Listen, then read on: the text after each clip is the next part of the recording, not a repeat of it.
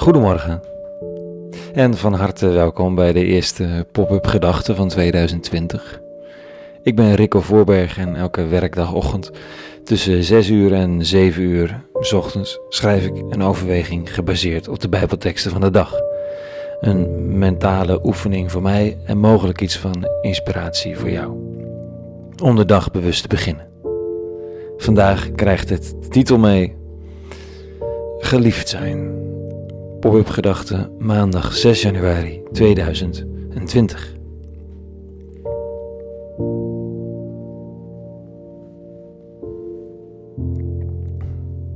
Een nieuw jaar is begonnen. Een onbestemd gevoel, een open kaart nog. De eerste stappen in een nog maagdelijke sneeuw van een nieuw jaar. En het zal snel weer gewoon worden, hè? dus geniet er nog even van. We staan aan het begin.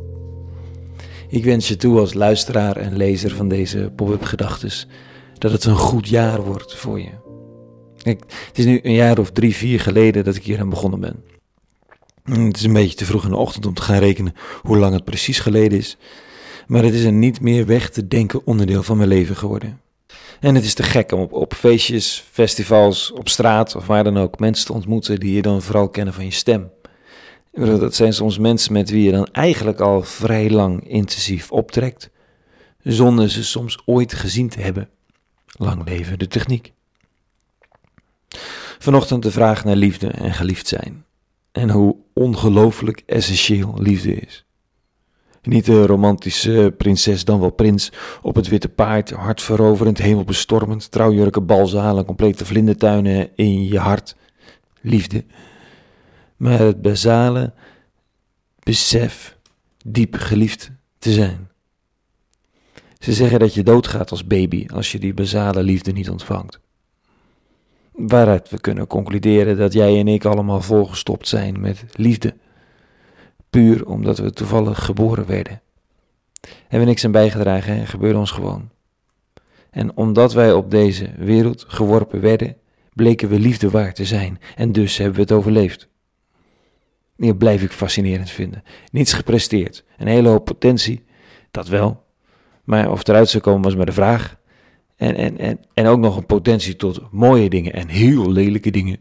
Potentie tot liefde teruggeven. En potentie tot intens veel pijn toebrengen. En toch geliefd worden.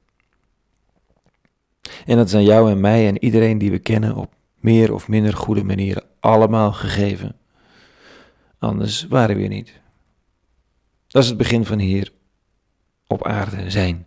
En misschien is ook zinnig om daar het begin van het jaar 2020 maar van te maken. Van geliefd zijn. Vanochtend nam ik dus de Bijbelteksten van de dag erbij aan mijn keukentafeltje in alle vroegte. Het is nog donker. En daar staat onder andere dit. Op hetzelfde ogenblik dat hij uit het water opsteeg, zag hij de hemel open scheuren en de geest als een duif op zich neerdalen. En er kwam een stem uit de hemel.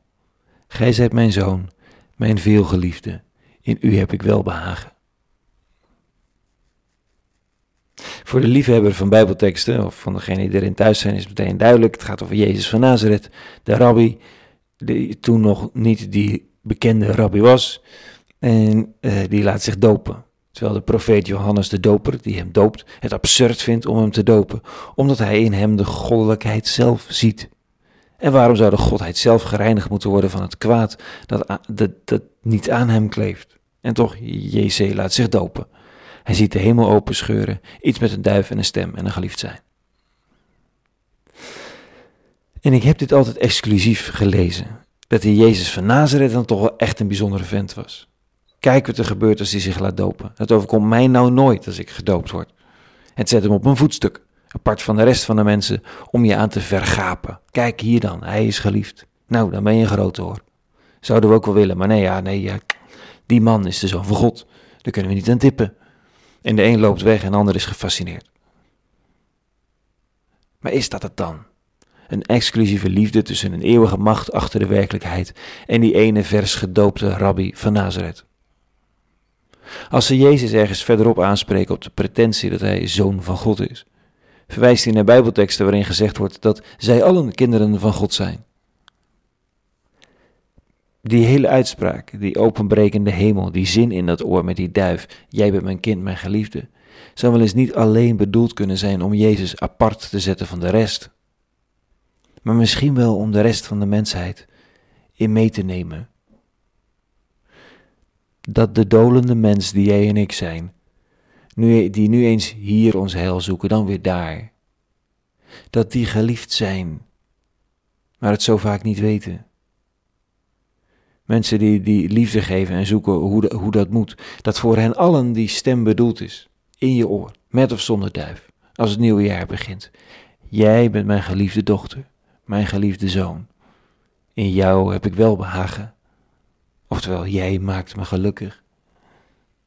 Die stem van het universum, van, van God zo je wilt. Niet om wat je presteert. Niet om waar je ronddolt. Niet om je goede daden of je stommiteiten. Maar om degene die je al was toen je ter wereld kwam. Iemand die je al was voor je iets presteerde. En die iemand die nog steeds zoekt om elke dag in je geboren te worden. Dat geliefde kind dat hunkert naar liefde en naar onbekommerd bestaan in de wetenschap geliefd te zijn. Tot zover om een nieuw jaar mee af te trappen. Geliefd zijn. Morgen zit ik opnieuw aan deze tafel, hopelijk, en zal ik de teksten van de dinsdag erbij openslaan en zien wat die te zeggen hebben. Alle andere pop-up gedachten zijn terug te vinden op lazarusstatop.nl. Voor nu wens ik je voor vandaag vrede en alle goeds.